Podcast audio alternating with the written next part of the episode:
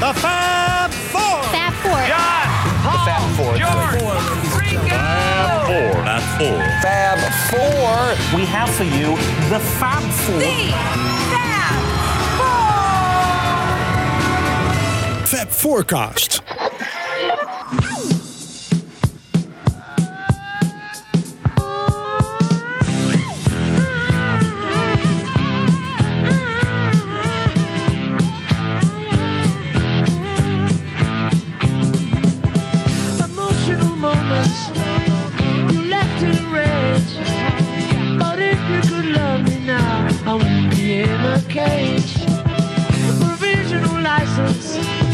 I'm under arrest. But if you could get me out, I'd like to take another test.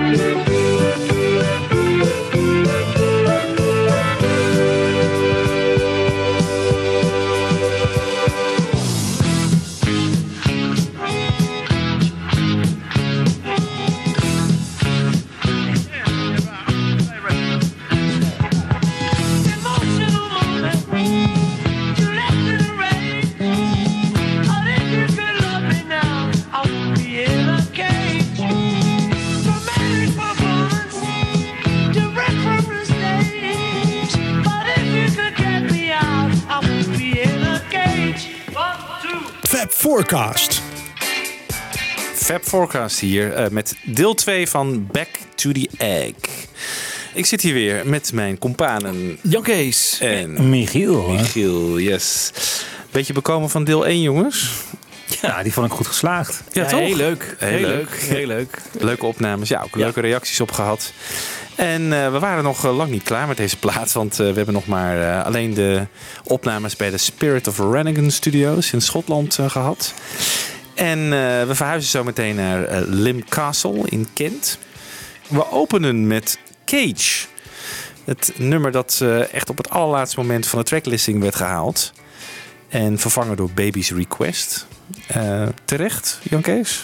Mm, ja, denk het wel hoor. Baby's Request vind ik, ja, er zit net wat meer melodie in. Geschreven voor de, voor de Mills Brothers, hè, die het dan niet wilden, of die er geld voor wilden hebben, geloof ik. Hier komen we nog op, inderdaad. Ja, ja. Ja. Dus ja, ik vind het wel terecht. Ik vind het ook niet echt in de sound van het album passen, dat nummer Cage. Nee, Nee. dat klopt. Wat ik wel heel mooi vind aan dit nummer is ehm, het rustige gedeelte. Dat is echt een soort ja, dat heeft een soort McCartney-esque ballad. Dat had wel een echt volwaardig nummer kunnen worden.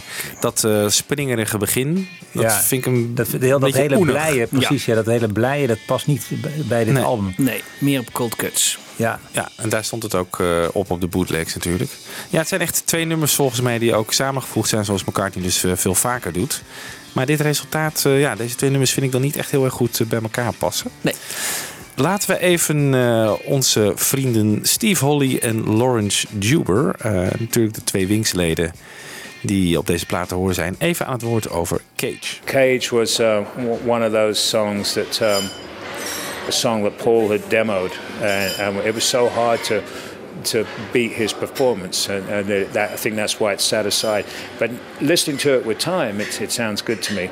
But but I think if you were to hear his demo of it, it would still be better, and and that was the that was the reason. It was uh, we couldn't beat his solo performance, and it just so it didn't become like a band track. cage that um, is kind of a, a, a mashup of different some different stylistic elements, but there's a big, big ballad that is the core of that song. That if it had been done as a standalone song, I think could have been could have been a hit record too. Nou, kijk, Lawrence Duber zegt eigenlijk hetzelfde wat ik net ook al zei. Zou ik het van hem gehoord hebben? Oh, misschien? dat zou misschien ook kunnen. maar dat zou natuurlijk kunnen, ja. nee. ja. Nee, maar ik, hij heeft wel Wat gelijk. bedoel jij dan? Ehm, I've been sent to tell ja, ja, dat precies. gedeelte. Ja. Dat, is, dat is heel mooi. En dat Ja. wordt ook mooi met mooie harmonie. Said he didn't mean it. No. Dat is echt Ja, wel een, dat is een goed mooi. stuk. Ja. Dat is een goed stuk. Vind ik echt wel een mooi nummer.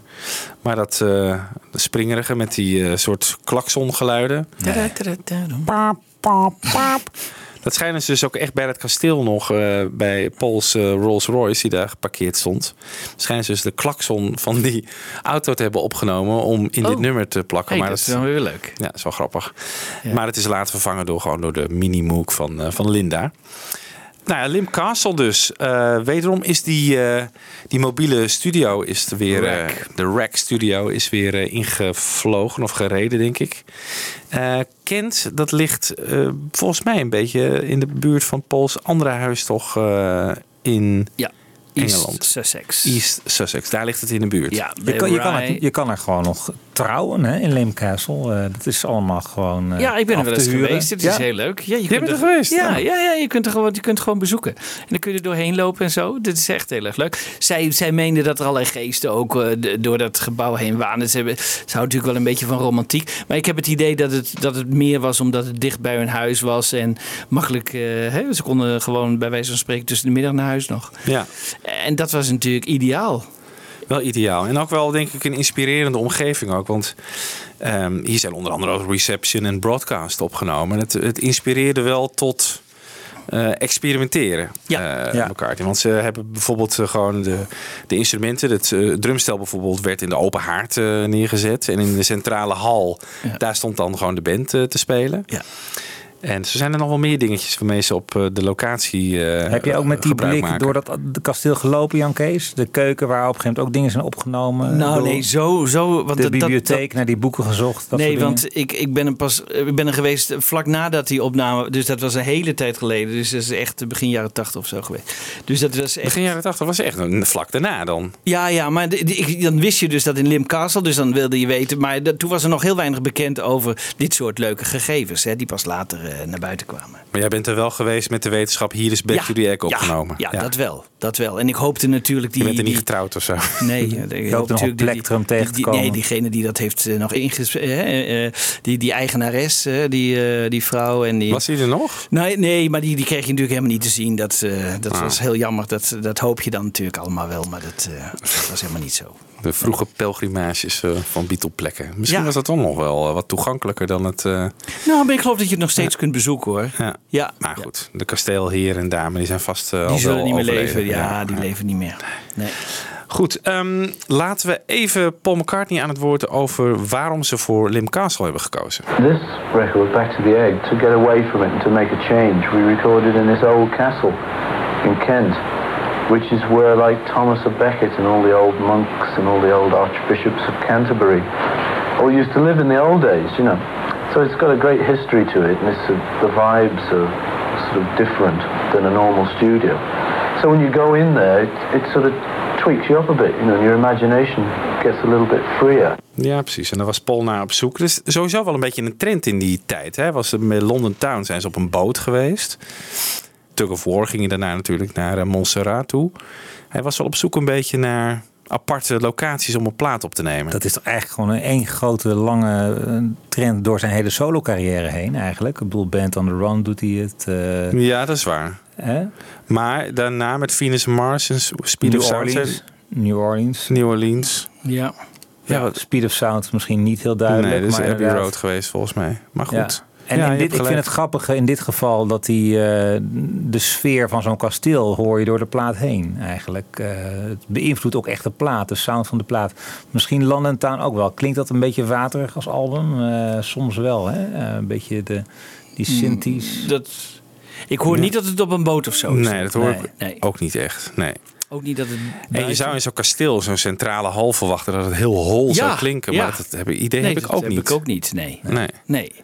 Dus, Dus misschien zijn de vocals wel gewoon in eh, replica studio's gedaan. Ja, En de, de backing tracks gewoon hier. Dat zou kunnen. ja. Kan allemaal. Nou, nou, in ieder geval, een van de eerste tracks die is opgenomen in eh Limcastle was We're Open Tonight. We're open tonight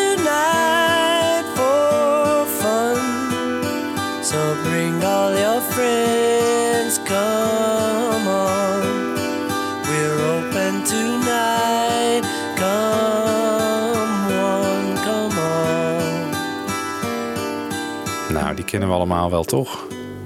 Heel mooi nummer.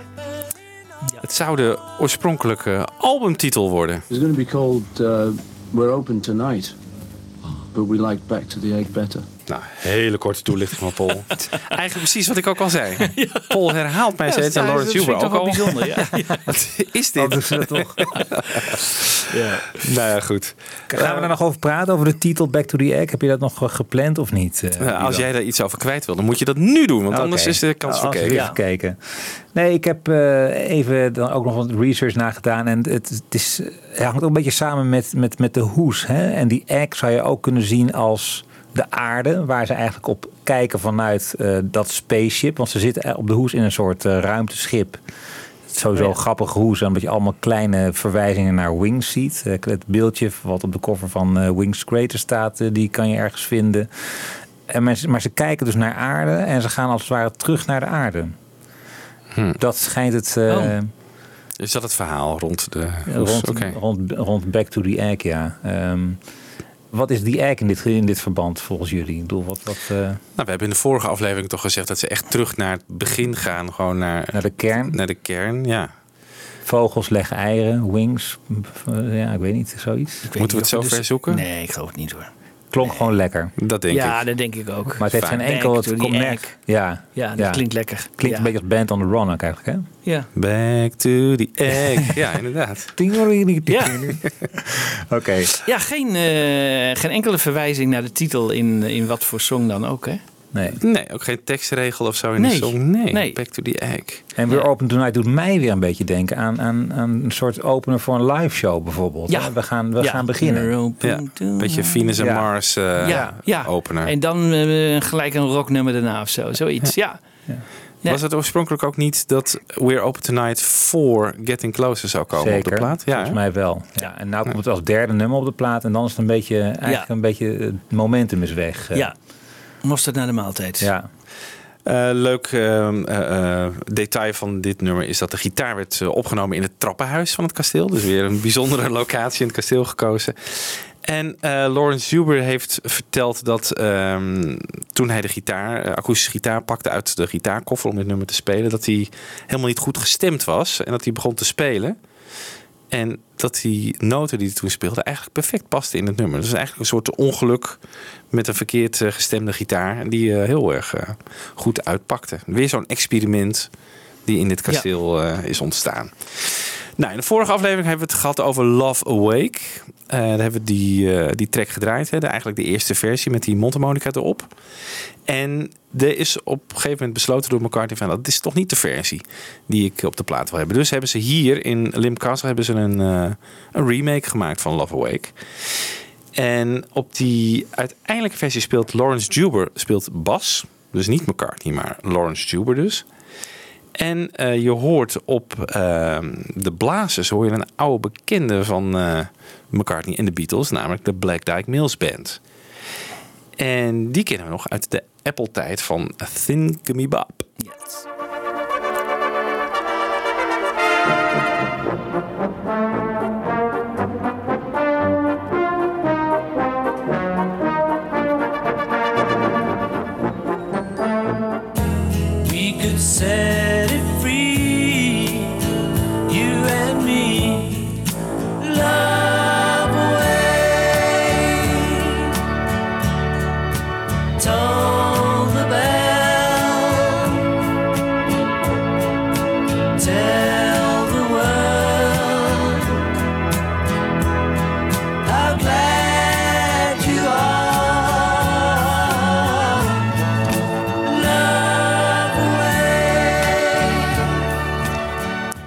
Ja, Ja, wie schreef dat arrangement?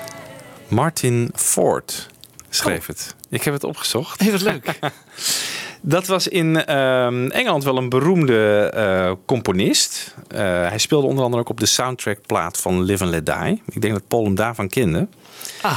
En, maar het was eigenlijk gewoon ehm, iemand die eh, orkesten arrangeerde. En nog nooit een blazersensemble had, voor had gearrangeerd. En toch Hey. de uitdaging aanging.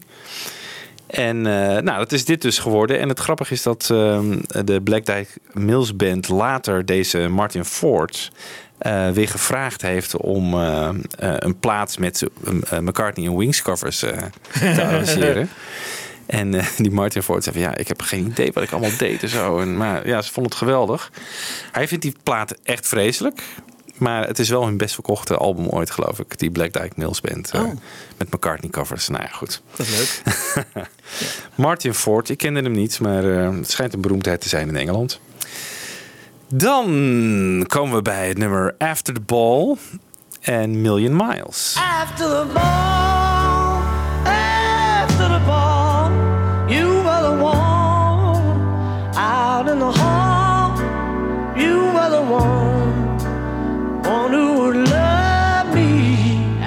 the ball. How many million miles did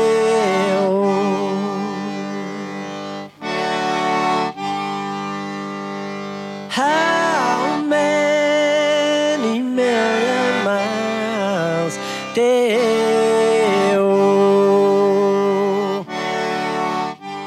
Wat vinden we hiervan, jongens? Schitterend. ik vind After the Ball heel erg mooi. Ja. Million Miles vind ik een beetje... Ja. Ja. Ja. Maar Ja. Ja, ik kan me er niet aan storen, maar dat erfte, ik vind zijn vocalen op allebei gewoon zo ontzettend mooi. ja. Met name in After the Ball. Dat Ja. is echt, ach, ach, Ja. ja, dat is prachtig. Dat is Ja. Zeker. Beetje Amazing Grace eh, schijnt de inspiratie geweest te zijn. Oh. En, en gospel. Oh ja. En ik las in het boek van Luca Perassi dat ehm, het een tribute zou zijn aan het nummer After the Ball. En dat is een eh, nummer dat geschreven is in eh, 1891 ergens. Van Charles Harris. Dat is een eh, Amerikaanse componist. En die, eh, de bladmuziek van dat nummer heeft, geloof ik, 5 miljoen stuks verkocht. En is daarmee de meest succesvolle eh, Tin Pan Alley song. Oh. Dus die heette ook After the Ball. Kijken of we iets daarvan... Vergelijk- ja. ja. kunnen we even herkennen misschien? Ja. I believed her faithless after the ball. After the ball is over, after the break of morn, the Ik hoorde het er niet in, maar... Nee. Nou ja, ook piano en, eh, Ja. en zang. After the. Even- nee, ik hoor het niet. Nou goed, dat eh, is eh, speculatie dat het hier eh, op ge- gebaseerd is. Maar alleen de songtitel is wat ons betreft denk ik het, het enige raakvlak ermee. Ja. Dat Million Miles, hè, dat is eh, al in 1973 geschreven. We hadden het in de eerste uitzending al over dat McCartney heel veel teruggreep op, eh, op eerdere demo's voor deze plaat. Al nummers die al jaren bestonden. Oh ja. Was dat niet op de pianotape ook te horen? Ja. Ja. Nou, ik heb een, eh, een fragmentje van die demo.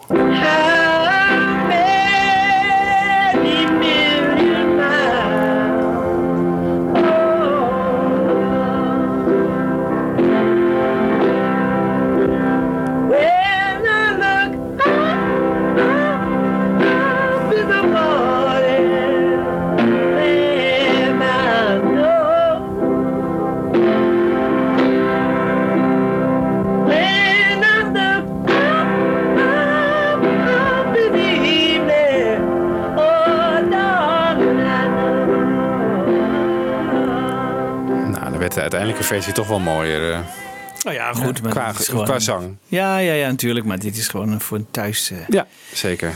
voor een tapeje. Voor een tapeje. Het werd eh, opgenomen, als we het weer over locaties in het kasteel hebben, op het balkon van het kasteel. Een Paul en een, ja, een concertina heet dat. Dat is een soort accordeon, blijkbaar. Dus dat speelde Paul eh, dus blijkbaar ook nog. Goh. Ja. Hey, en die bridge eh, tussen After the Ball en Million Miles.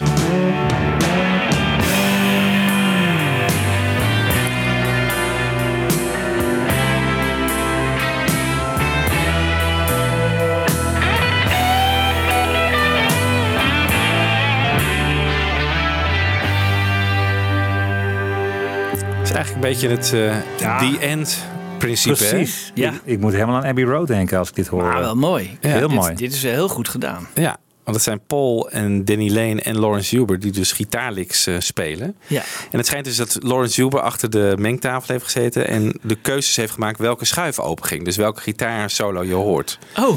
Dus dat is eh, zijn mix eh, geweest. Ah. Maar erg mooi, heel mooi eh, dat die twee verbonden worden met elkaar op deze manier. Ja. Nou jongens, we gaan lekker eh, experimenteren met eh, Reception.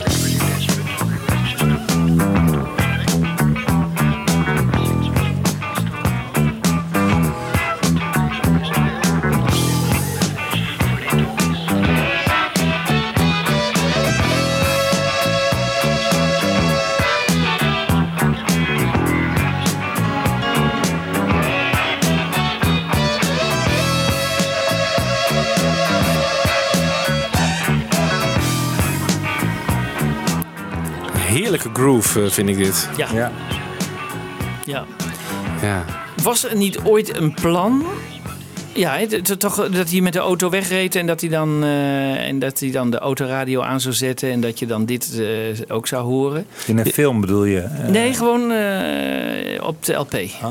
Oké, Ja. dat weet ik, Ja. niet. ik weet wel dat het, dat het geïnspireerd was op een eh, eh, radio eh, in de auto. Ja. Dat je aan het switchen was tussen de verschillende zenders. Daar eh, vertelt eh, Paul en Lawrence Huber nog even wat eh, over. reception was was just the idea of kind of tuning in the radio and, and that ties in with uh, you know radio play me a song with a point in in getting closer so you know there was we had uh, when we did that basic track we we did kind of jammed on that groove The idea of the back to the egg thing was that it was originally going to be um, when you're in a car and you're trying to tune the stations. I don't know if you have the same thing in America as we do over here, but over here, like sometimes you'll get the French and German stations coming in real loud, and the British station, which is about 200 yards down the road, comes in sounding like it's coming from Australia or somewhere. You know, there's something to do with the transmitters.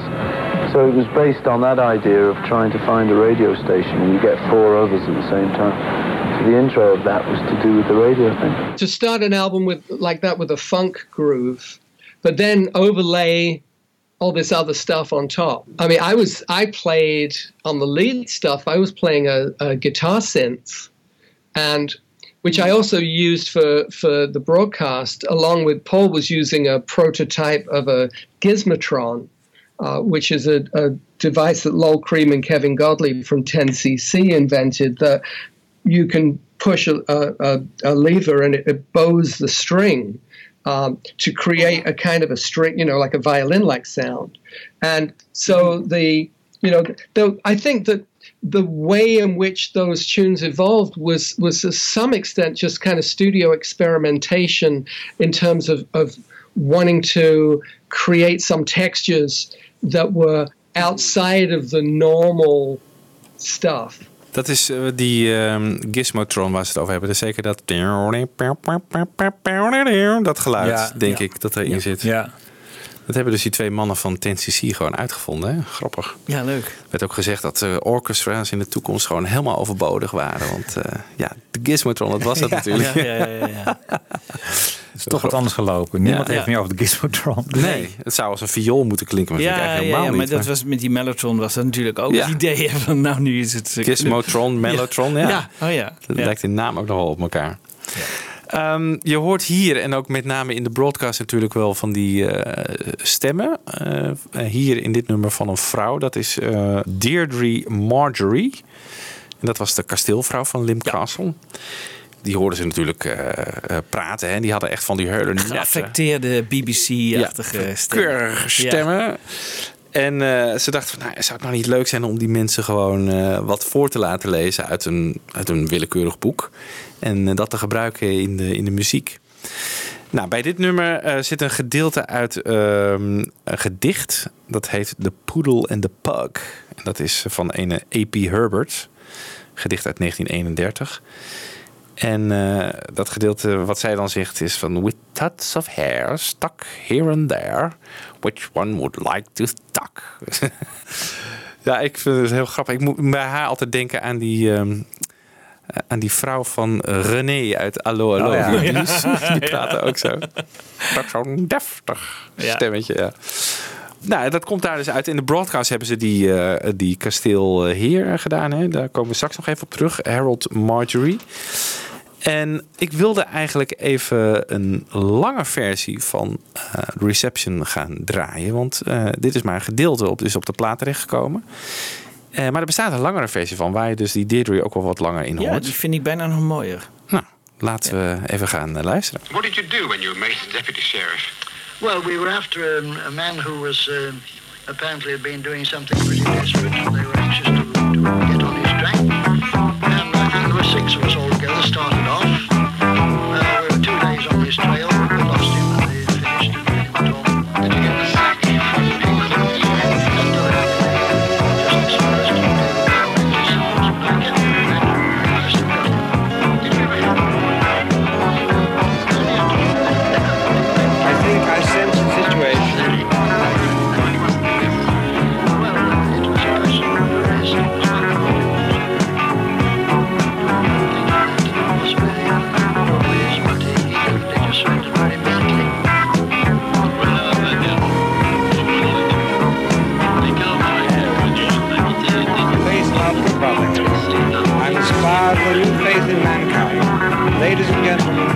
I wish to present to you a sure enough saying.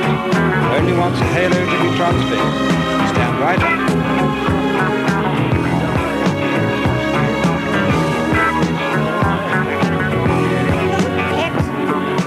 Fine.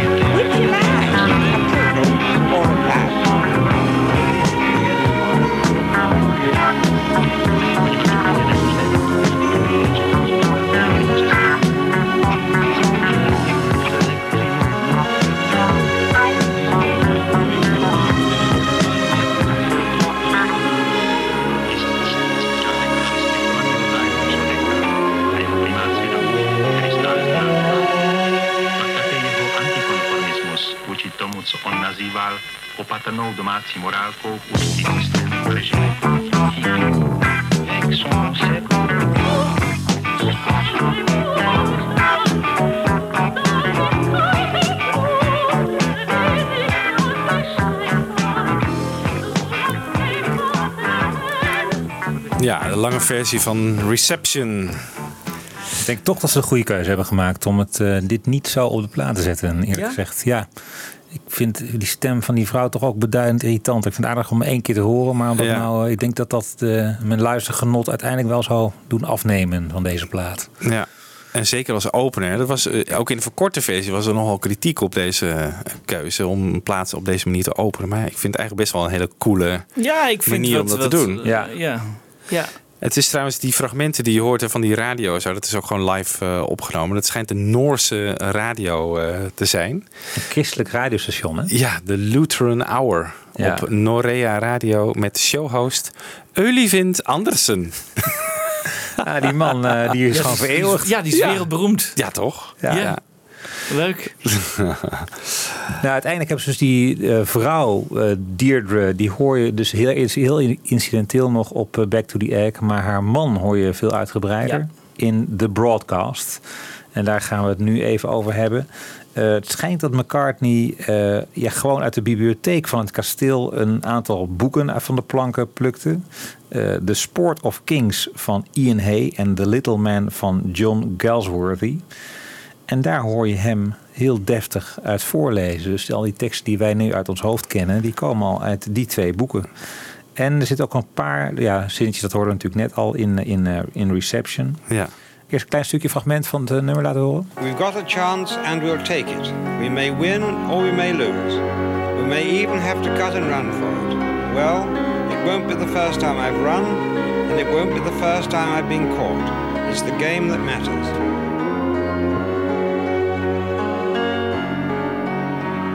Brother, I am proud to know you. This is one of the greatest moments I have ever experienced. I think I sense the situation when I say that we all esteem it an honor to breathe the rather inferior atmosphere of the station here along with our little friend. I guess Ik vind het toch wel mooi hoor. Ik vind het ook heel mooi. Ja. Ja. Ja. Mooi. Dat eh, komt ook door die, die, die prachtige orchestratie op, op de achtergrond. Ja. eh, mooi piano riff. ja, Ja. heel sfeervol. Maar wat is dat dan? Is dat een mellotron op de achtergrond? Is dat niet gewoon een overdub met orkest of zo dat ze in ja, Abbey. Road hebben gedaan misschien? Ja. Oh. En wie heeft dat weer diezelfde Ja, geen idee. Oh, nee. ik, weet, ik weet niet wie dat gearrangeerd heeft. Nee. Laten we even ook Lawrence Juber aan het woord laten over dit nummer. the broadcast. I mean, I never quite understood that one. I remember David Bowie came in to the studio, listened to that, and said, "Oh, that should be the single. It should be a you know a very kind of very left field Bowie-ish thing, you know, to do." Um, but I, I think that that it's that eclectic nature that Paul has uh, that that is the you know is the root of all that kind of stuff. And it just sometimes you know you're in the studio you start fooling around with something and it leads you in a particular direction. Um, because clearly neither of those were songs that had been prepared demoed rehearsed or anything like that. They just kind of came out of the blue. Yeah. David Bowie wilde het als single hebben. Ja. Ja, die, die schijnt echt daar achter het paneel ge- gezeten te hebben en heeft gezegd: Dit nummer vind ik niks, dit vind ik goed. En dit moet de volgende single worden. En dat was dan de broadcast. Ja. Eh, ja. Zat hij gewoon te fucken? ja, ik Denk het. Ik denk het, ja. Je leest het wel in literatuur overal. Hè? Het was David Bowie's favoriet. Maar ja. of je het nou serieus meende, ja, dat van op single uitbrengen natuurlijk. Ja, misschien dat hij dat zou doen.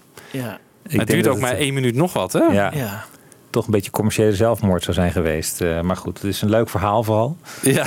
Het schijnt ook dat Paul Simon heeft, is ook nog een keer in de studio geweest. Die was helemaal onder de indruk van de sound van Arrow Through Me. eh, Ah. ja, ja. Allemaal daar in Lim Castle? Of, eh, nou, of misschien later bij, als, Ja. als de plaats een beetje af is. gemixt En, eh, Ja, ja. precies. Ja, ja. Ja. Ja, en. George Harrison heeft hem ook gehoord. En die vond Baby's Request helemaal eh, te Oh. gek. Ja? Ja, dat is Ja. wel een beetje zoals hij later ook wel. Ja, dat zei Eh, Paul ja. ook van, he likes Ja. that mellow stuff. Ja, Ja. de Deep Blue Sea en zo, dat lijkt er wel een beetje op. Hè? Ja. Dat- ja.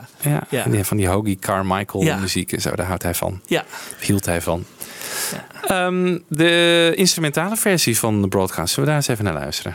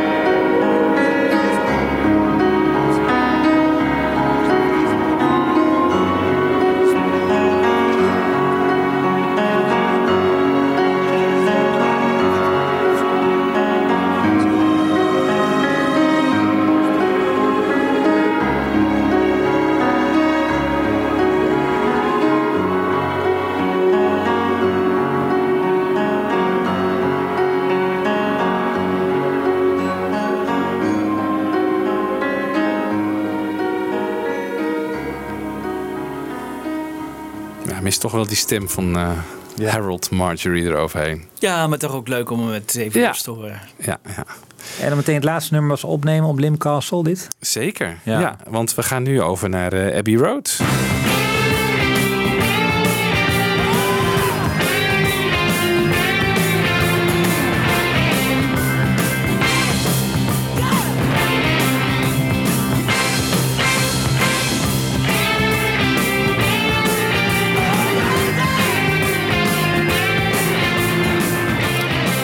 Rockestra theme.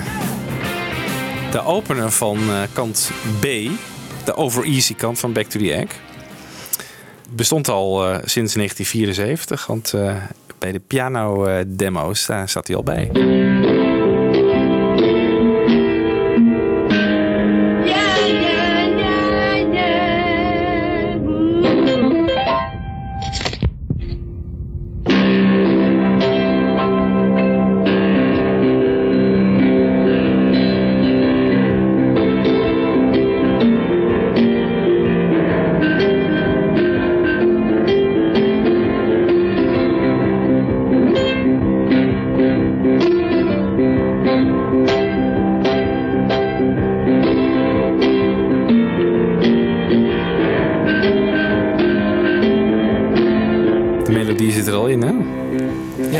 Van een melodie kunt spreken. Maar... Ja, jij zegt over 1974 en dat zal qua dit nummer wel kloppen, maar hier in het boek van die Chip Medi- Medinger, of als je het zo uitspreekt, Ja. eh, wordt vermeld dat McCartney al voordat Alan Klein op het tentonede verscheen bij Apple, dat McCartney al het idee had voor een ja, The Death of Variety. Dat was een, zou een Battle of the Bands zijn hebben moeten worden tussen een echt orkest en een rockestra, dus een, een gitaarorkest. Dus dat was een idee waar hij al in 1968 mee rondliep als Ah, idee. ja. Wat leuk. En toen, eh, dat heeft hij, schijnt hij zelfs met Clint Jones ook te hebben overlegd. Van moeten we dat niet een keer doen? Nou, dat er kwam allemaal niks van. En dan komt hij in 78 komt hij daar dus op terug. Van eh, ik ga het toch weer eens een keer oppakken. En, maar dat eh, is niks bijzonders voor McCartney, hè? Om zo lang te wachten met bepaalde ideeën en dat hij Nee. het toch houdt. Dus dat is en wel- ook om zo groots te denken. Is ook niet, ik bedoel, dat is ook niet vreemd voor McCartney. Nee. Hè? Nee. Ik bedoel, Nee, want, ja. want wie doet er allemaal mee? Hoor? Dat is echt eh, op gitaar bijvoorbeeld Dave Gilmore, Hank Marvin, Pete Townsend. Ja. Eh, op drums John Bonham van eh, Led Zeppelin. Kenny Jones, dan de nieuwe drummer van ehm The Who. Daarvoor van de Small Faces en de Faces. Omdat, omdat Keith Moon is overleden. dus- Ja, die was echt een maand daarvoor Ja. overleden. Die zou ook meedoen. En eh, op bas John Paul Jones, ook van Led Zeppelin. ehm, Ronnie Lane van de Faces. eh, McCartney zelf. En Bruce Thomas, die is van de Attractions van Elvis Costello. Dus vier bassisten. ja. Piano hebben we Gary Brooker. Linda op keyboard. eh, even kijken. Ray Cooper op percussie. En natuurlijk op blazers. Dat, de Howie Casey en de Ja, Teddy Tony, Richards en, ja, ja. Tony Dorsey en Steve Howard. Eh, nou, Leuk, hè? Ja. Ja, want eh Pete Townsend heeft wel gezegd van alleen McCartney lukte dat om zoveel beroemdheden in één keer bij elkaar te krijgen. Dat, Ja, dat, zou, dat geen dat zou niemand anders gelukt zijn, zei hij. Zei hij, Ah. dus eh ieder keek zijn ogen uit naar al die mensen die toch allemaal... Eigenlijk hadden Eric Clapton en Jeff Becker ook bij moeten zijn. Hè? Dus het is Ja. echt eh, Oh ja? onvoorstelbaar. Ja. Ja. Ja, Ja, dit is echt... eh, ja. Grootheidswaanzin misschien ook wel een beetje, toch? Of niet? Ja. Wat, eh, Ja, eh, op zich was, was het natuurlijk helemaal niet nodig dat allemaal... We Nee, zouden ook sessiemuzikanten kunnen inhuren natuurlijk. Ja, het moest natuurlijk heel simpel zijn, omdat ze het gewoon met z'n allen moesten spelen. Dan is het ook, wat Ja. dat betreft, past het wel heel goed eh, bij het idee van een rockassortie om zo'n Ja. soort simpel eh, dingetje te Het krijgen. is En allemaal gefilmd ook, hè? het is gefilmd, We kennen, zeker. We kennen outtakes ervan. Is alleen maar inderdaad een bepaald gedeelte is op een de McCartney Years eh, DVD eh, terechtgekomen, geloof ik, van deze sessie. Maar ja, dat moet er nog helemaal eh, van alles in de archieven liggen van die hele sessies. Ja, we De- hebben wel iets van outtakes hè, van, eh, uit, die, uit die sessies. Op beeld. Ja, in ieder geval op geluid. Beeld geluid. weet ik dus niet. Beeld weet ik niet. Op geluid zeker, ja. camera's stonden allemaal achter schermen, geloof ik ook. Hè. Dat, eh, Ja. ja. Maar iedereen wist wel dat ze gefilmd werden. Maar het was om gewoon niet te Ja. opdringerig te zijn met die camera's in de studio. Dit is trouwens in oktober eh, 78 wordt het opgenomen. En ehm we hadden het net over die rehearsal. Daar heb ik even een eh, fragmentje van. Okay, Phil, play the demo. Tapes rolling.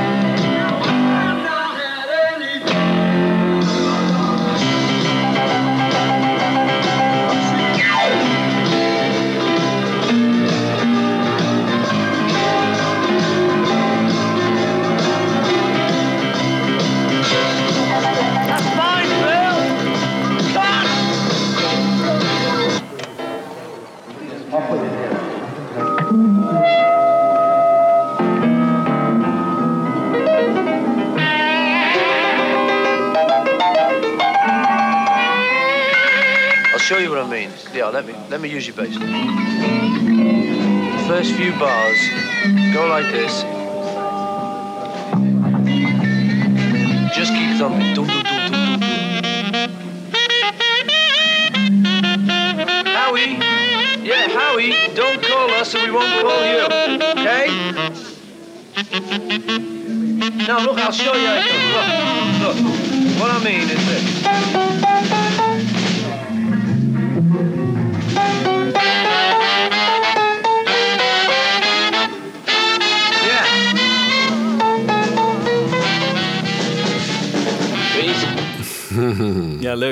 Hè?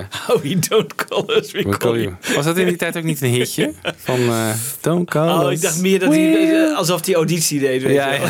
ja, ja. Van hou maar even op. Ja, hou maar even op, ja. Ja. Ja, leuk hè. En volgens mij liet hij de demo eh, horen die Wings of in Ja. Lim Castle of, ja. Spirit of Rennigan eh, Heeft gemaakt. Want het was wel een bandversie. Ja. Die eigenlijk bijna hetzelfde klonk. Maar het nummer won trouwens in eh, 1980, hè, dus een jaar na het uitkomen, een eh, Grammy Award. Voor Best Rock Instrumental. En eh, ja, dat was de allereerste keer dat die prijs werd uitgereikt. Dus Ja. nou ja, het was een, eh, Ja. een eer, toch? Ja. En er wordt ook op gezongen hè, door een of andere gigantisch koor. En die Ja. zingen dus Why haven't I had any dinner? Vind ik een grap, grap om een keer te horen. Want, eh, Nooit gehoord. Nee. Nee? Ja, ik, dat hoor je ik- wel. ja, je hoort wel. Maar, je, Ja, maar ik dacht dat hoofd McCartney, eh, maak je er iets anders van, eh, waarschijnlijk. Ja. Why haven't had any dinner? No, no, Ik verstond altijd iets als a, bird in the hand of zo. Ik dacht altijd van ja, één vogel in de hand, hè, beter dan tien in de lucht. En zo. Dus ik zat in die... A bird in the hand every day. No, no, no, no. Zoiets. ja, toch grappig wat je ervan maakt in je Ja. hoofd. eh. Ja, leuk. Ze nemen twee nummers op, hè? Ja, want So Glad to See You Here Ja. wordt ook opgenomen door dezezelfde samenstelling. Geweldige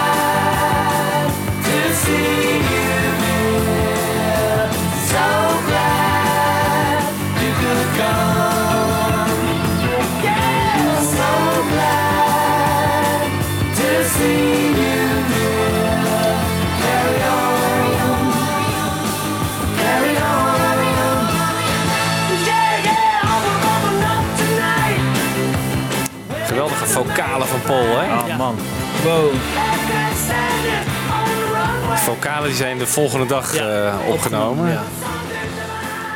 En eh, het zou oorspronkelijk trouwens de laatste, het laatste nummer op de plaat eh, worden. Totdat eh, Baby's Request daar kwam natuurlijk. Ja. Eh so Glad to See You Here. Een van de favorieten van Lawrence Stuber. So glad to see you here. I think is is a great rock song. Would have made a great single. Um, but you know there was never any thought about doing that. But uh, but you know American radio always loved Paul's rock voice, uh, which is why Coming Up was a hit. And and you know so glad to see you here. You know especially with that and Old Sam So where he's singing right at the top of his range, and is really just nailing, you know nailing the vocal. Ja, daar heeft hij gelijk in. Nailing the vocal. Heerlijk. Jongens, ik heb een compilatie gemaakt van eh, rehearsal van So Glad to See You Here. We- Weer in die Abbey Road Studios met het Rockestra team dus. En gecombineerd met een aantal ruwe mixen. Dus dan hoor je een stukje instrumentaal eh, So Glad to See You Here.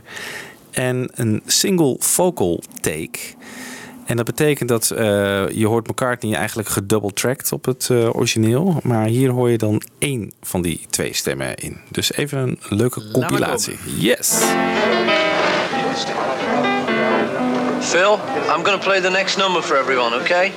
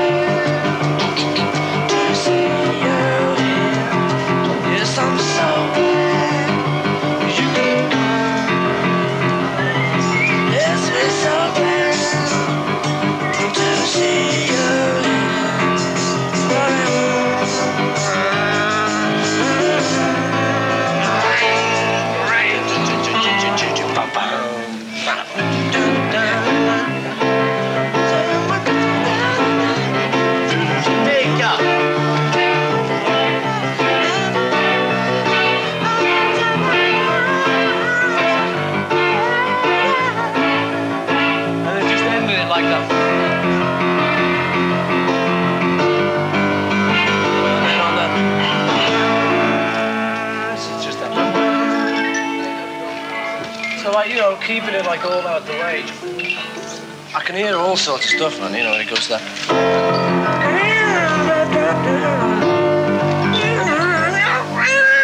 I mean, it's all there, like. You know that one. bit yourself. Thank you. You can do that? Oh, yeah, vocally. On this bit, instead of all the guitars, that, yeah. have somebody.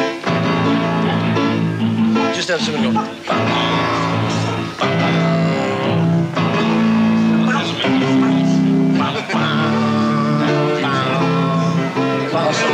falling into.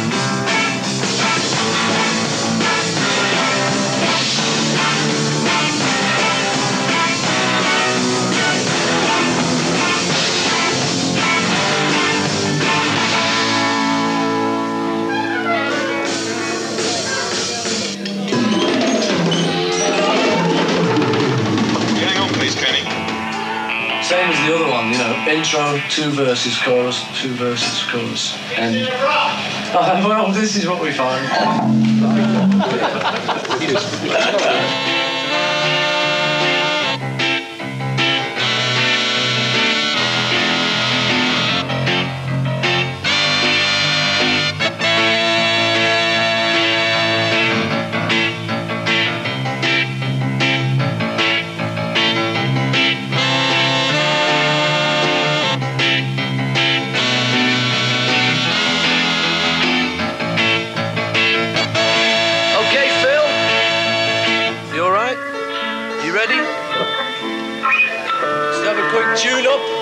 You just check your tuning on guitars. Hey, tuning, hi, hi.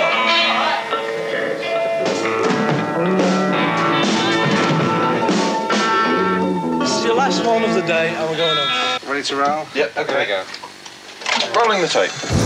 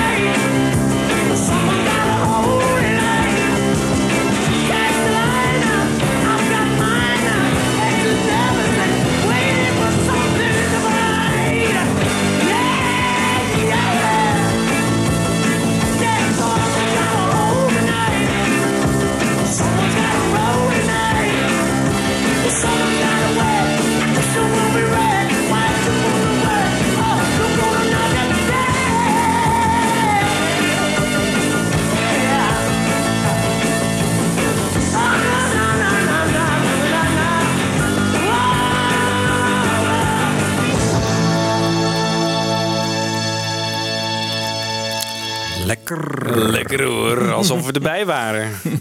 ja. En die Phil, dat is Phil McDonald, eh, dachten wij, hè? Ja.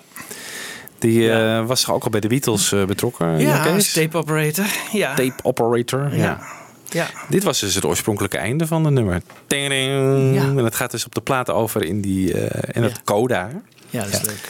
Van We're Open Tonight. Ehm, getting Closer. I'm getting closer.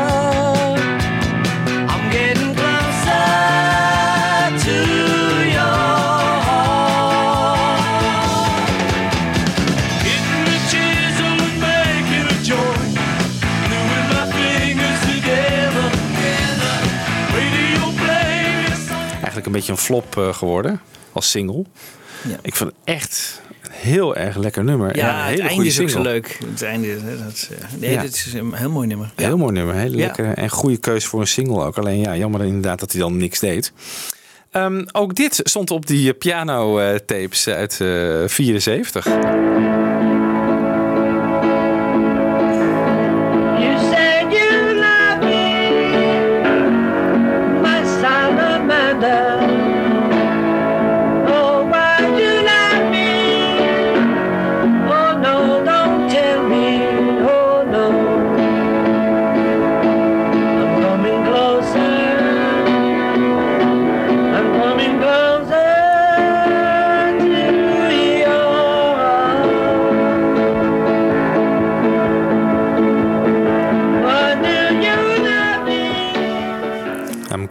Closer heette het eh, Ja. toen nog. Ja.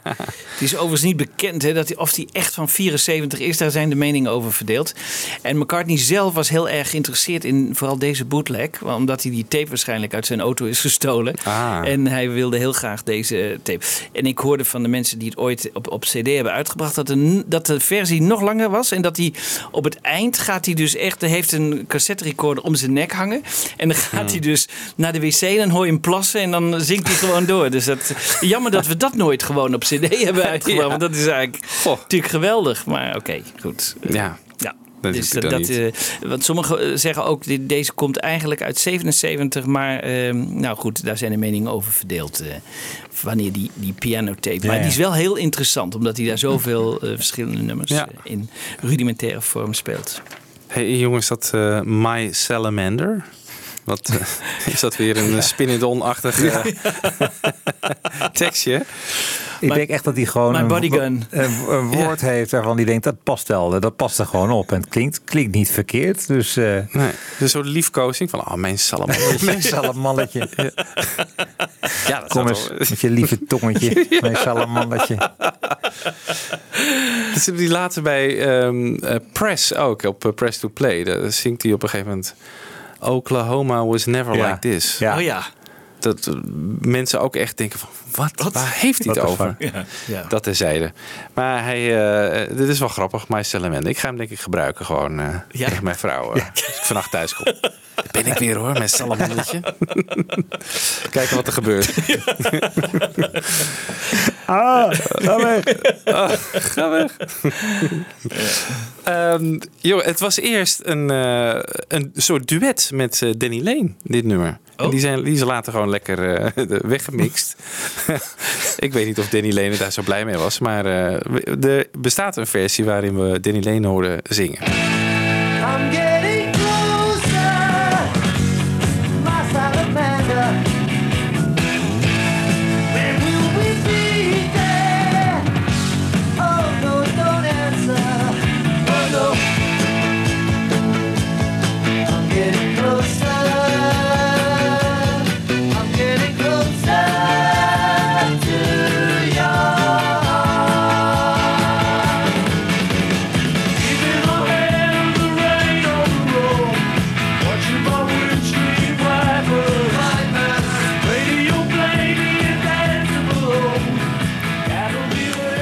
Vind die afwisseling toch wel leuk eigenlijk. Ja. Is Danny Lane en dan neemt Paul het over even verderop.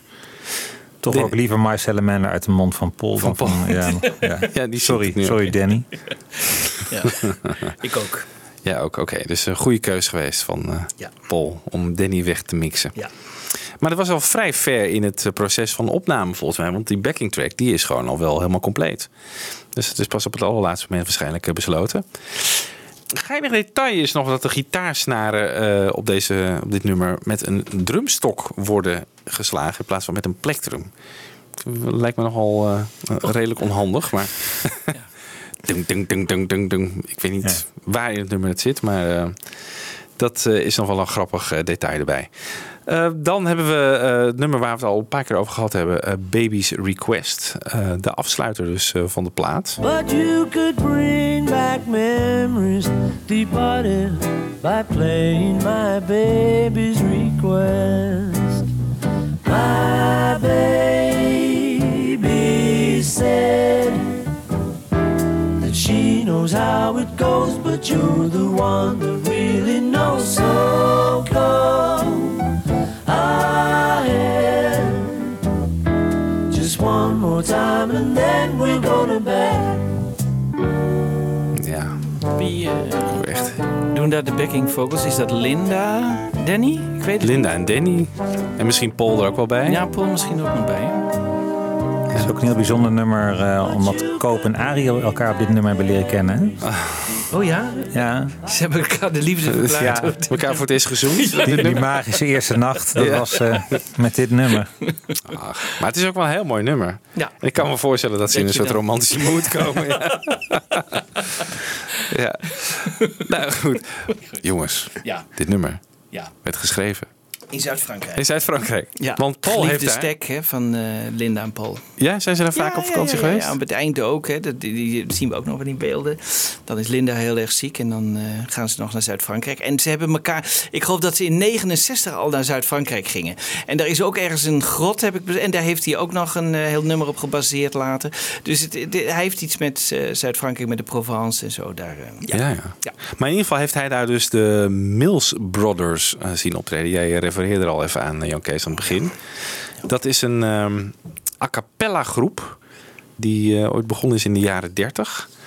Maar laten we eerst even Lawrence Juber wat eh, vertellen over eh, Baby's Request. Baby's Request, which we actually did as a demo for the Mills Brothers. I mean, it wasn't even uh, originally intended for, for Back to the Egg. We demoed it to give to the Mills Brothers because Paul had seen them on vacation in France and thought, oh, I'll write them a song.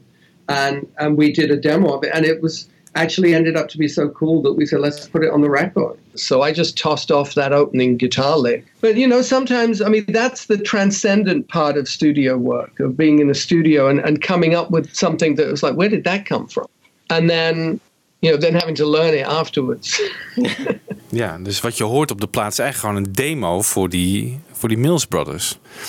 Die klonken trouwens eh, zo. Dan kan je een beetje voorstellen in wat voor eh, mood Paul was toen hij het eh, nummer schreef. Maybe I'm right and maybe I'm wrong and maybe I'm weak and maybe I'm strong but nevertheless I'm in love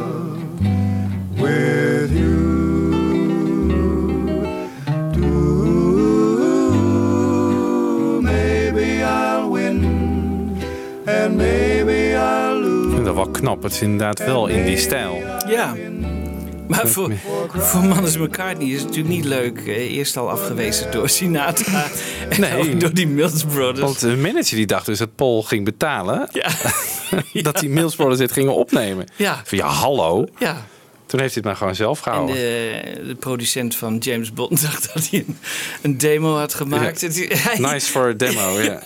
het is voor hem natuurlijk... Ja, Voor een demo vond ik dit, ja, wel heel mooi. eh, al. ja, maar ik denk wel dat ze daar nog wat aan hebben gedaan. Daar hebben ze natuurlijk echt wel wat meer werk aan besteed. eh. Ja, dat zou wel, ja. Ja. Eh, Die demo is trouwens opgenomen in Studio 2 hè, in eh, Abbey Road. En eh, het gekke is, dat, is die, dat hoorden we net eh, toen wij er alweer overheen aan het lullen waren, die eh, synthesizer trombone solo. Dat is, ja, dat is eigenlijk wel een beetje jammer. Het is zo'n mooi puur nummer. En dan gooi je daar zo'n Ja. synth, synth solo overheen. Ja. Terwijl er dus in de studio ernaast een hele beroemde trombonespeler, Oh, ja? Don Lusher, aan het werken was. Die had het gewoon even kunnen vragen. Ja. Niet gedaan. Nou ja. Net als in Arrow Through Me is het ook een, geen echte blazers, hè? Eigenlijk jammer. Eigenlijk jammer. Het had het wel Ja. echt wel afgemaakt of zo. Ja. Als het echt de trombone was geweest. Ja. En Paul heeft het natuurlijk ook nog ehm Hij heeft opgenomen. gemaakt. Hij heeft het later... eh, Kisses on the Bottom. Ja, precies. Heeft hij een versie van opgenomen. en zit hij wel met een echte trombone? Waarschijnlijk wel. Ja, Iets- iets, dat is helemaal, eh, ja. helemaal met echte instrumenten opgenomen. Ja. Maar, deze versie vind ik toch wel mooier. Ook omdat hij beter zingt. Maar ik, ik denk dat, dat die andere opnamen ook, eh, de broadcast en zo, en die, dat het ook allemaal eh, gewoon uit, eh, uit de Mellotron of zo. Ja? Nou, behalve die Black Dyke Mills band dan. Die was wel echt. die was echt. Ja. Ja. Ik heb in ieder geval een ehm, alternate mix van Baby's Request klaarstaan.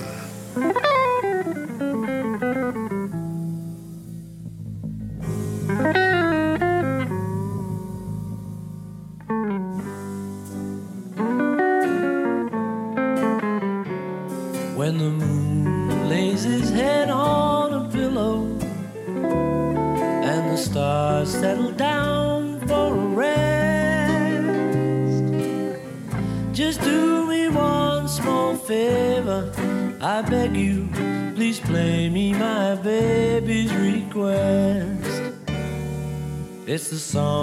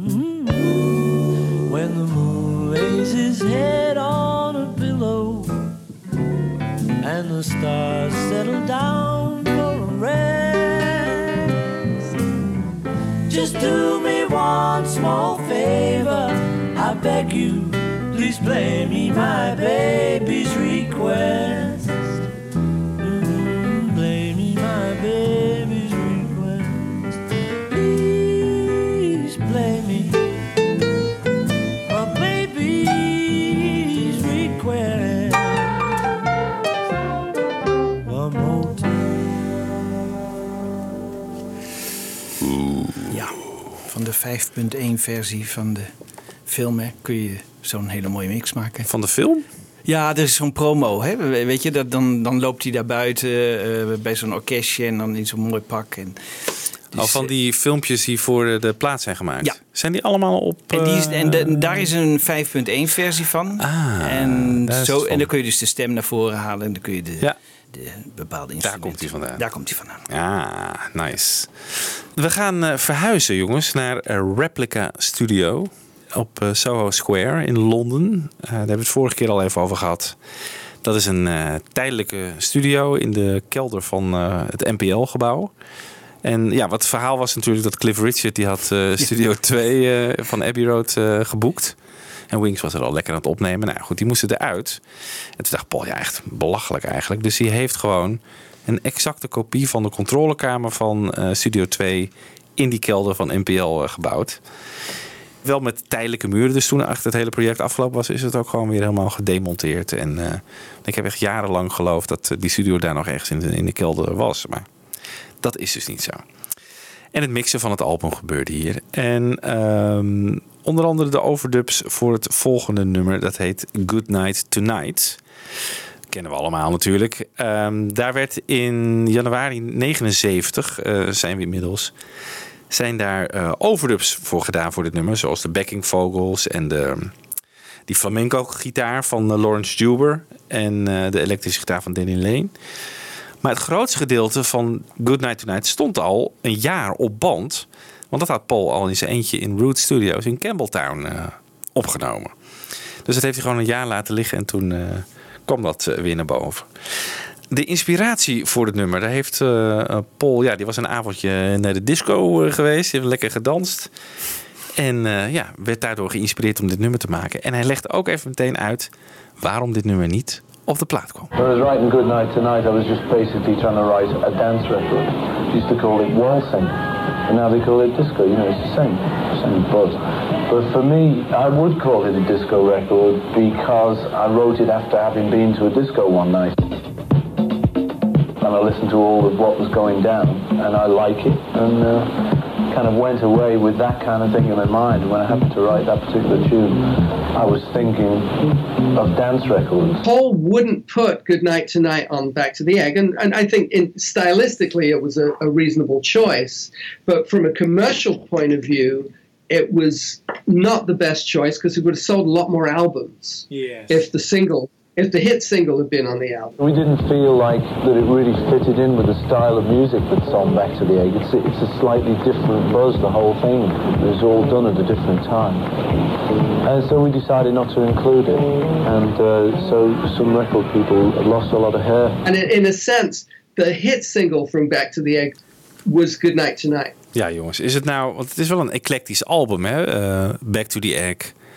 Is het nou, dat had er volgens mij wel opgekund, omdat het gewoon alle kanten uitschiet. Waarom dan deze Ja. niet? Wat vind jij, Michiel? Mm, ik zou er toch wel moeite mee hebben. Omdat ik vind het wel echt een rockalbum. En dit is wel weer echt een heel ander kopje thee. eh. Ja, maar Het is natuurlijk wel, ja, wat krijg je dan? Je krijgt een beetje smooth jazz in de vorm van Arrow Through Me. Dan krijg je rockers met rockestras eh, en eh, Spin It On, et cetera. Je krijgt disco, je krijgt eh, smooth, een beetje lounge muziek in de vorm van Baby's Request. wordt- deze toch je krijgt de broadcast. Ja, het had wel gekund, maar op een gegeven moment is de coherentie echt helemaal, echt totaal zoek. Maar zonder dit nummer is de coherentie al zoek, dus met dit nummer ook. Nou, minder. Ik heb dat minder, toch. Ik vind, ja, kant 1 vind ik best wel een eenheid. Kant 2 gaat op een gegeven moment, ja, wordt, wordt de afwisseling tussen hard en zacht wel, wel, wel af en toe wel erg rigoureus. Ja, Ik had het leuk, de veelzijdigheid van McCartney. eh. Ik bedoel, Ja. ik, ja, Ik heb nooit zo moeite met, eh, eh, en elk zoals op de White Album, ik heb er nooit zo moeite mee dat een plaat alle kanten uitschiet. Nee. Eh, want het is Als het altijd maar van de, Ja, als het maar goed is, inderdaad. En tegenwoordig heb je wel heel vaak gewoon dat het alles een beetje dezelfde sound op één Ja. album moet hebben. En ik denk van, hoezo? Ja. Wat zou je er Ja. aflaten als we even zo kijken? hè? Met, want er moet ook iets af dan. Daar moet wat af. Oké, oh, dat is een leuke. Ik zou Ehm, zelf voor- voor Orchestra kiezen dan toch. Als, als, ik, vind dat, ik vind het ja, echt een beetje overblown eh, allereerst. En ik vind het ook als compositie niet heel erg sterk eerlijk gezegd. Heel simplistisch. En eh, het, zit, ja, het is eigenlijk één hoek die eindeloos wordt herhaald. Ja. De vocalen zijn leuk, maar dan heb ik tien keer liever So Glad to See You Here. eh. Ja. Ja. ja, daar heb je gelijk in. Ja. Ik zou zelf, eh, maar dat kan natuurlijk niet, ehm, Love Awake en ehm, Million Miles eraf halen. En dan After the Ball vastplakken en Winter Rose of zo. ja, waarom niet? Ja, alles kan. Ja. ja. verder denk ik, vind ik het wel ook, ja, is het wel moeilijk om er wat af te halen. Maar had het, had het er niet bij gekund? To You of zo misschien. To You ja, is is natuurlijk niet heel sterk. Ja. Nee. Die is niet heel sterk. Nee. Nee, die zou Nee. ik dan misschien wel ja, Ja. voor in willen ruilen. Maar ik vind het ook wel weer sterk van McCartney. Die zo vaak eh, ultra commercieel wordt genoemd. En dat hij nu zegt van nee, ik wil gewoon één bepaald album met één bepaalde sound. En Ja. dit is qua, ja, het Of is... speelt hier nog de oude Beatles gedachte van eh, hè, Nee, geen dat, singles? nou, dat, je, je hoort het hem net zeggen. Hij Ja, zegt nee, zelf hij wel zegt, echt, ja, het, het, ja, het ging om de ja. sound die niet Ja. klopte. Ja. Maar hij heeft het hiervoor ook al gedaan hè, met Mull of Kintyre natuurlijk. Dat zette hij ook niet op London Ja. Town.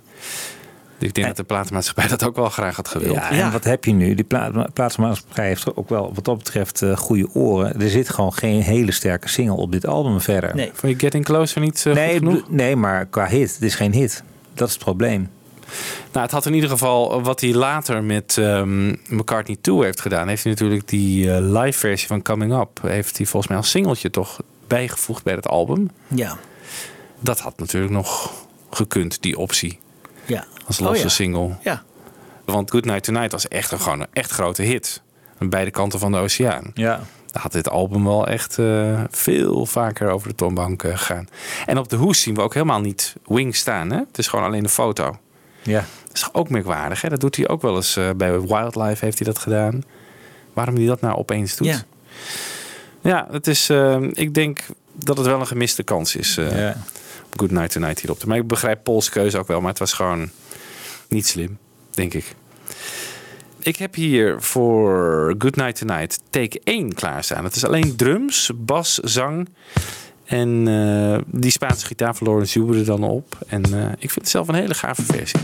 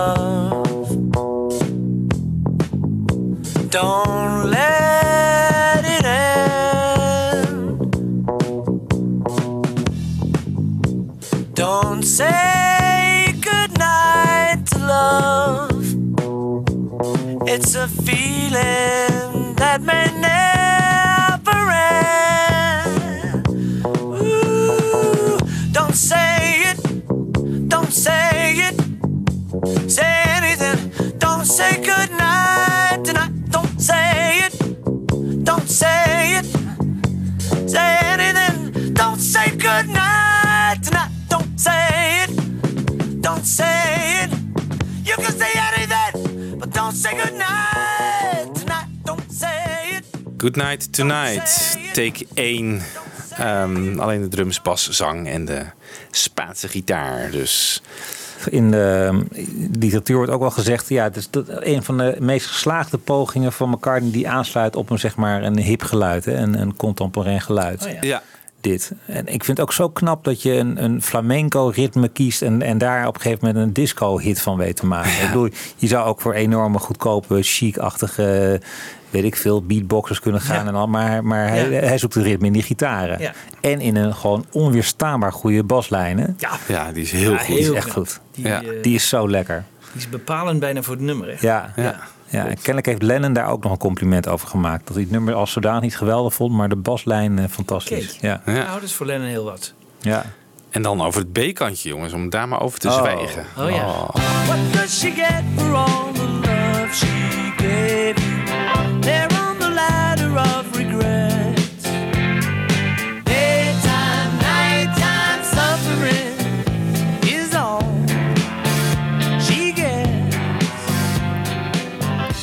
Ja. Paul, eh, het schijnt Pauls eh, favoriete solo-song te zijn, hè? Heeft hij wel eens gezegd. ja, Had dit geen dubbele A-kant kunnen zijn? zeker. Absoluut. Ja. Ja. Had dit dan op het album gepast? Ja, Ja, en, eh, maar dat vind ik weer hetzelfde als met Kees. Ik vind die, als het heel blije, die blije wing sound, die vind ik niet op dit album passen. Dat gehup in dat ritme, nee. Nee, nee dat vind, het, moet, het heeft een wat stoerdere insteek. Getting Closer en zo. Dat heeft toch een andere vibe dan dit. Ja, het is wat meer rock. Dit Ja. is meer pop. Ja, precies. Ja. Echt pure pop. En dat is meer power pop eigenlijk, eh, Getting Closer. Ja. Ja. Ja. Dit nummer is trouwens opgenomen in die replica studio's hè, in Soho Square. Ja. Dus niet op een van de andere locaties, maar helemaal opgenomen daar. Met de drums in de, in de keuken.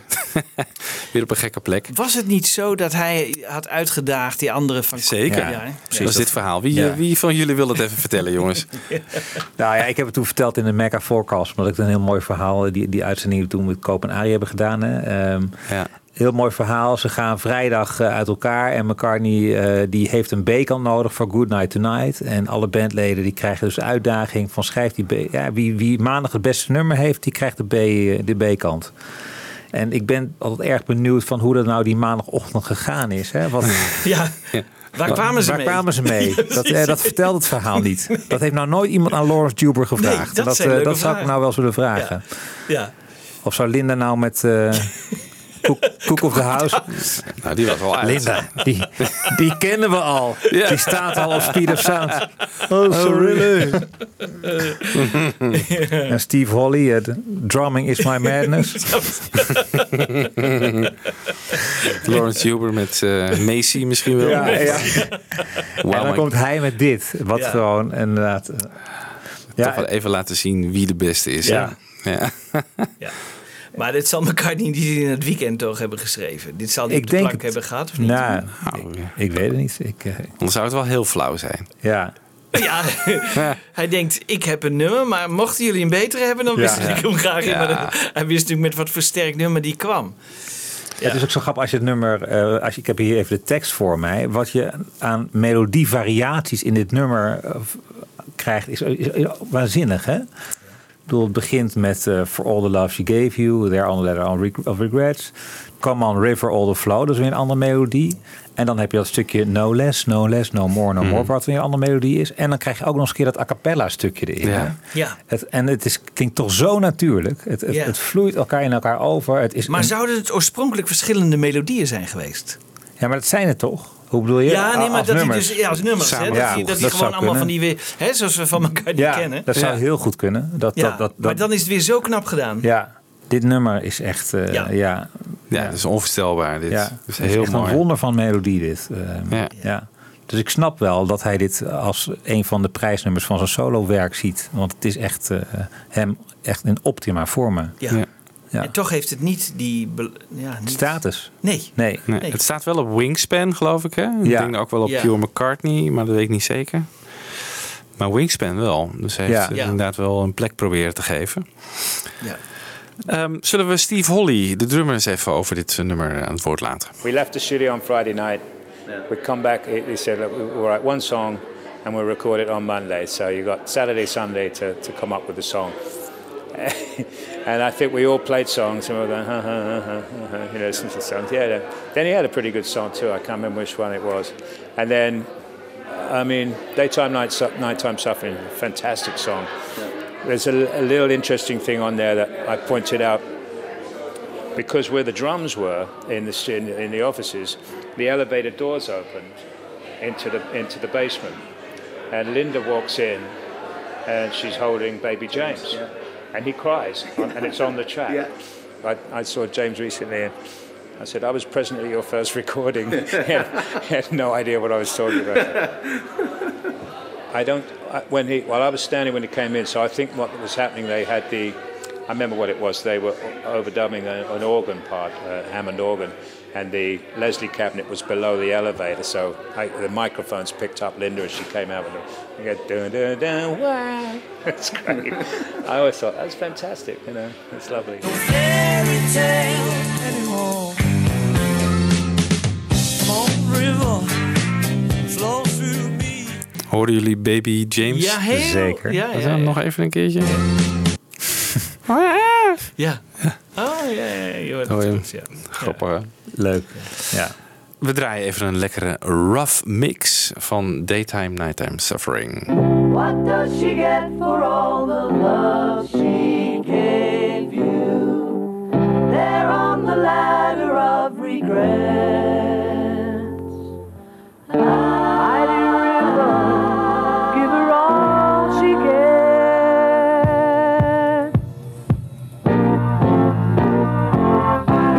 she get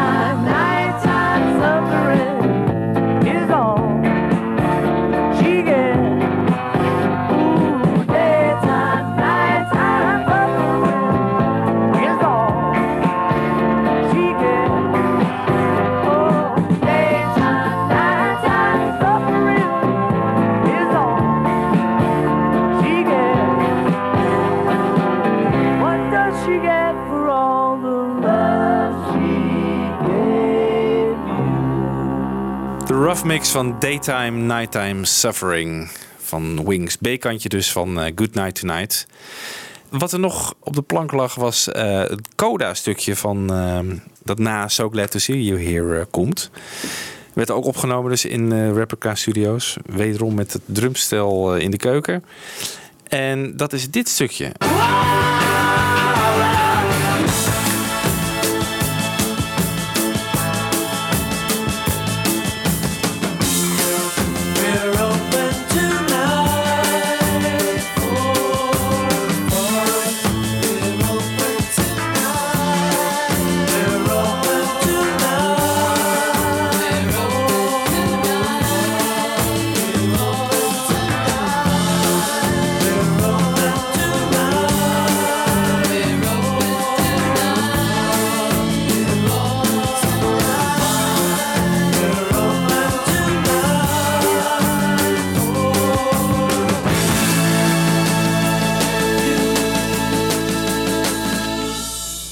Stond alles erop. Ja, leuk hè? Dat is ook een sterke kant van elkaar die we nog even een nummertje terug laten komen. Ja, ja een beetje band on the run. Ja, hè? een beetje band on the run. Ja. We hadden het de vorige keer al over dat dus hè, dat concept-idee van Back to the Egg, dat ze dat op een gegeven moment hebben losgelaten. Maar dat dit, dit is dus wel een van de laatste dingen die is opgenomen. Dus blijkbaar zat het nog steeds in Pauls hoofd. Vind ik toch wel apart. Ja. Nou, alles eh, staat er dus op. Het album wordt gepresenteerd aan de pers, Michiel, op 11 juni 1979. Ja, dat was in Abbey Road. Dat was inderdaad omgebouwd tot een gigantisch ei in een pan. Kennelijk. Zwarte gordijnen overal langs de wanden om een pan na te bozen. Gebakken eieren aan de binnenkant. Het waren dan tafels, grote tafels met parasols die geel waren geschilderd. Ik ken er geen foto's van eigenlijk. Hè? Hebben we daar iets van, van beeld van? Mm, Ja, nou die foto die bij onze deel 1 aflevering zat op Oh, eh, ja. Facebook. Ja? Die is van die Dat elkaar perspresentatie. niet dat leuke t-shirt aan heeft. eh, die bedoel ik. die, ja, herkenbaar teaser. Met dat ei in zijn hand. Dat, ja, ja, maar ik ken niet een foto, een- shot van boven of zo, dat je die, die, die Nee. tafels mooi ziet. eh, nee. Nou, moeten we eens een keer naar, naar gaan zoeken. En dan de cijfers. Ja, het was nummer 8 in Amerika. Er zijn 1 miljoen exemplaren van verkocht. Dat was blijkbaar dus voor McCartney eh, erg weinig. Eh, nummer 6 in Engeland en nummer 11 in Nederland. Ja. Op zich niet. eh, voor McCartney is doen, denk ik, in die tijd gewoon niet goed genoeg. Ehm, de singles waren, zoals we eerder al zei, Old Siam Sir was de eerste single in ehm, Engeland. Eh, in Amerika werd Getting Closer als eerste single uitgebracht. Ehm, Arrow Through Me was ook single. Rockestra Theme eh, alleen in Europa. En Getting Closer was ook nog een single in Engeland. En ja, wat ging Paul hierna doen na het uitbrengen eh, van deze plaat? Ging hij terug naar zijn boerderij in Schotland om McCartney 2 op te nemen als een soort hobbyproject. Hè? Heeft hij dat daar opgenomen? Mogen we nou eigenlijk concluderen dat hij niet blij was met de verkoopcijfers en het ook een beetje gehad had met de band? Eh, of kunnen we dat niet zo definitief zeggen? Want dat hij al voor zichzelf zo'n hele eh, solo-LP gaat opnemen. Dat is wel gek inderdaad. Want hij gaat nadat hij McCartney 2 heeft opgenomen... eh, nog op tour natuurlijk met Ja. Wings. Ja. Eerst door Engeland een hele maand december. En dan zou je zeggen, ja, dan heb je dat... En Japan zat er natuurlijk aan te komen. Dan heb je nog niet echt het idee van... eh, dit is het einde van de band. Nee. Maar het is wel gek dat hij dus inderdaad voor zichzelf gaat... eh, McCartney 2 gaat opnemen. Ja. En volgens mij ook Wonderful Christmas Time uitbrengt. Van die Ja. sessies. Die Oh, dus niet met Wings zijn. Ja. Dus, eh, Allemaal Maar rare dingen. dat is wel een beetje gek, ja. Dat bevestigt ook een beetje mijn beeld van, van is, het, is het voor Wings nou, in McCartney's hoofd, is Wings nou een afgerond project hè, na dit album? Eigenlijk volgens mij dus niet. Niet al na die press release van dit was het dus. Beetje het gevoel wat je na Abbey Road wel hebt. Hè? Ja. Dit was Ja. het dus echt. Ja, hè? precies. Dit is het Dit is gewoon afgerond. En, en ook wel het, het fijne gevoel dat je hebt bij de Beatles. Van je hebt dan een White Album, je hebt Let It Be. En heel fijn dat we even dat toetje hebben in de vorm van Abbey Road. Ja, hè, die, mooie afsluiting. Ja, en dan is gewoon die carrière helemaal af. Strik Ja. erom en eh, Ja. prima. Ja. Ja. Maar bij Wings heb je toch het gevoel van iets onafs. Ja, want hij gaat nog wel door. Ook met Danny Lane nog. Hè. Eh, gaat hij nog door. Ook eh, met Wings ook nog, hè? Ja, met Wings In ook nog. 1980, na die, eh, Ja. die arrestatie. Ja. Ja. En dan zegt George Martin, dacht ik, nu moet je gewoon ermee ophouden. En we gaan helemaal met jou en met andere artiesten, toch? Ja, want, George, want hij is met George Martin al aan het werk op de dag dat Lennon wordt vermoord. Hè? Ja, december 80. Ja, dus dan is hij al met George Martin in de studio. Ja. Wat ik gek vind is dat pas in december 79 dus die tour komt. Terwijl de plaat in juni wordt uitgebracht. Ja. Dat is gewoon een half jaar later pas. Ter promotie van Back to the Egg zou je Ja. zeggen. Zou dat Ja. ook Eerst een reden ja. kunnen zijn geweest dat het niet echt een succes is geweest? Ja, dat zou natuurlijk best Als hij meteen was gaan toeren. nou, Ja. ja. Ja. En, en ook in kleine zaaltjes, hè? in eh, relatief kleine zalen Ja. in Engeland. Ja. Dus Ja. dat is ook wel apart. Ja. Het eh, is een, eh, een beetje vreemde eend in de bijt in eh McCarthy's oeuvre, maar eh, wel een hele mooie. Ja. Ehm, nog steeds niet in de archive eh, release eh, verschenen. Terwijl, ja, dat hebben we eerder ook al gezegd, het echt schreeuwt om zo'n release. Want we hebben heel veel bonusmateriaal. We hebben die, al die clips natuurlijk van de nummers. Ehm, wat hebben we Dat nog? zegt ook misschien wel iets hoe hij er tegenaan kijkt. Hè? Hij ziet het niet echt als, Ja. een, als een onverdeeld succes, denk ik toch? Nee, en al die archive releases hebben wel een bepaald Ja, soort succes. succes om zich heen ja, hangen. om zich heen hangen. Dat is echt zo. En, en eh, de, de mindere, hè, die zien Ja. we niet. Eh, Wildlife zien we niet. Eh, Give My Regards zien we niet. Nee. Dus noem maar op. Maar welke zou nog wel kunnen dan? Ja, Flaming Pie verwacht ik nog wel. eh, Ik verwacht eerlijk gezegd helemaal niks meer in die serie. Nee, Nee, echt niet? Nee, ik verwacht het niet. Nee. Nee? Nee, het is al wel heel lang geleden dat Flowers in the Dirt was. Het is al zo lang geleden. Daar zat geen... Nou, eh, valt wel mee hoor. Dat is nog, niet, nog geen jaar geleden. Nee, dat is wel langer geleden. Nee, dat was toch vlak voor Sgt. Pepper, de Sgt. Pepper box. Volgens mij was het net daarvoor. Volgens mij is het Er zat niet zo'n kaartje bij. Er werd niks aangekondigd. Nee, dat is waar. Dat, Dat was is het waar. enige. Ja? Jij ziet er somber in. Ik zie er somber in, want ik, ik weet niet van wie dat ooit zei, maar dat, eh, dat de, de, Ja. de Dat- verkopen. Ja, eh, de- dat de viel op. tegen, dat viel tegen, ja. Terwijl de kosten enorm zijn. Ja. Toch? Ja. Dus ik, kan, ik, ik vind McCartney, eh, die zo onberekenbaar wat dit soort dingen betreft. En eh, nee. Toch raar om het daarbij te laten hoor, vind ik. Maar Ja. goed. Ja.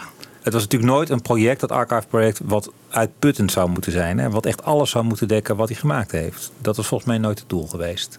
Nee. Dat heeft hij in Anders midden- zou je gewoon systematisch vanaf 1970 Ja. gaan opbouwen. Ja, en, eh, elke, elke... Ja, en alles door elkaar uitbrengen nu, dat is natuurlijk wel gek. eh. Heel raar. Ja. Want Ja. het, het loopt als een soort putje loopt het leeg. Hè? Ik bedoel, wat, wat, eh, je kan niet hebben dat je aan het eind alleen nog wildlife en press to play moet doen. En dan, eh, dan, dan zit iedereen toch gapend van, eh, nou die, die hoeven we niet meer. Die moet ook nog even. Ja. Ja. Ja. Nee, maar die kan hij ook wel op de manier uitbrengen zoals Band on the Run is uitgebracht. Dat is eigenlijk gewoon een hele simpele, Ja, heel eerste, simpel. heel simpele Ja. uitgave. Ja. En daarna zijn het helemaal van die boxen geworden met dure fotoboeken. Ja. erin. Dat hoeft ook natuurlijk Ja. allemaal niet. Nee. Het gaat ons ook voornamelijk gewoon om het geluid dat erop staat. Ja, dus press zullen we nooit zien. Nee. Mm, nee. nee, misschien niet. Maar je hebt gelijk. Ik denk Back to the Egg leent zich uitstekend voor de Ja. Ja, maar die ziet hij toch waarschijnlijk als een mindere... eh, dat Ja. hij niet helemaal geslaagd is. Nee, dat denk ik. Het zou heel mooi zijn om samen met London Town eh, uit te brengen. Ja. Ja, maar dat, dat is helemaal nieuw, hè? Een dubbel. Nou, hij, brengt wel vaak, eh, vaker eh, niet Venus en Mars en. Speed of Sound tegelijkertijd uit. Ja, ja, maar dan wel twee afzonderlijke Ja, boxen. toch? precies. Ja. Tug of Ja. War en Pipes of Peace zijn ook afzonderlijk Ja. uitgebracht, maar wel tegelijkertijd. Ja. joh, je hebt ook nog een live concert natuurlijk. dat gefilmd is volgens mij in Ja. Glasgow. Of in ieder geval opgenomen. Ja. Op, daar hebben we een mooie audio van. Ja. Misschien zelfs die Rupert-songs die ze dus in een dag hebben opgenomen. Ook Oh, tijdens ja. deze sessies. Ja. Ja, man, man. Ja. Voldoende. Voldoende om wat uit te brengen, lijkt Ja. mij. En dat vindt Lawrence Juber dus ook? Dat vindt Lawrence Huber ook. Ja, laten we hem even over een slotquote eh, eh, geven over dit album. that album seems to still actually sound pretty fresh. Um, doesn't sound dated. And I've discovered, you know, that there's this substantial fan base for that record. Tell him to reissue it. Believe me, every time I see him, I tell him to reissue it. Nou, daar luistert hij dus ook al niet naar. eh. Gek dat hij niet naar die podcast luistert. Dat is toch wel merkwaardig. Ja. Ja. nou, en eh, Michiel, jij wilde heel graag één specifieke quote van. eh, Ja, ik vind het gewoon heel grappig. Als je de beelden ziet van eh, McCartney en eh, zijn Rockestra live op Kampuchea. Dan is er dus... Iedereen zit in mooie zilveren pakjes. Met mooie hoeden op. Behalve één iemand. En dat is Pete Townsend. Met die, die zat er toch behoorlijk eh chagrijnig. eh, ja, hij zat wel lekker te rocken. Maar daar had hij evident geen zin in. En er schijnt één quote te zijn waar McCartney zegt van... eh, nou, iedereen zou een zilveren jasje dragen, behalve Pete Townsend, because he's a puff. Dat vind ik zo mooi. De, de, de stoerste rocker van, van, van de jaren zestig zo'n beetje. Ja. En dat McCartney voor zo'n groot publiek zegt... het is, het is, een, het is een mietje. Ja. Ik zo geweldig. Ja, ja, ja. ja. En er schijnt audio van te zijn, maar ik heb Oh, het ja. nooit gehoord. Ja, ik heb het je het gevonden. gevonden? Ja? Ik heb het zeker gevonden. Wat goed. Dus ik heb hem, eh, eh, daar gaan we mee eruit. En ook met de live versie van eh Rockestra. Eh, live op het eh Kampuchea concert. Ja. Dus in de Hammersmith Odeon in Londen. Op eh, 29 december 1979. Het allerlaatste nummer ook dat eh, Wings live speelt op een podium. En eh, in januari ging het mis in Japan. Dus daar sluiten we mee af. Tot de volgende keer. All right. Thank you, Peter. The only lousy sod who wouldn't wear a silver suit. Because he's a puff. I'm gonna get you rock star.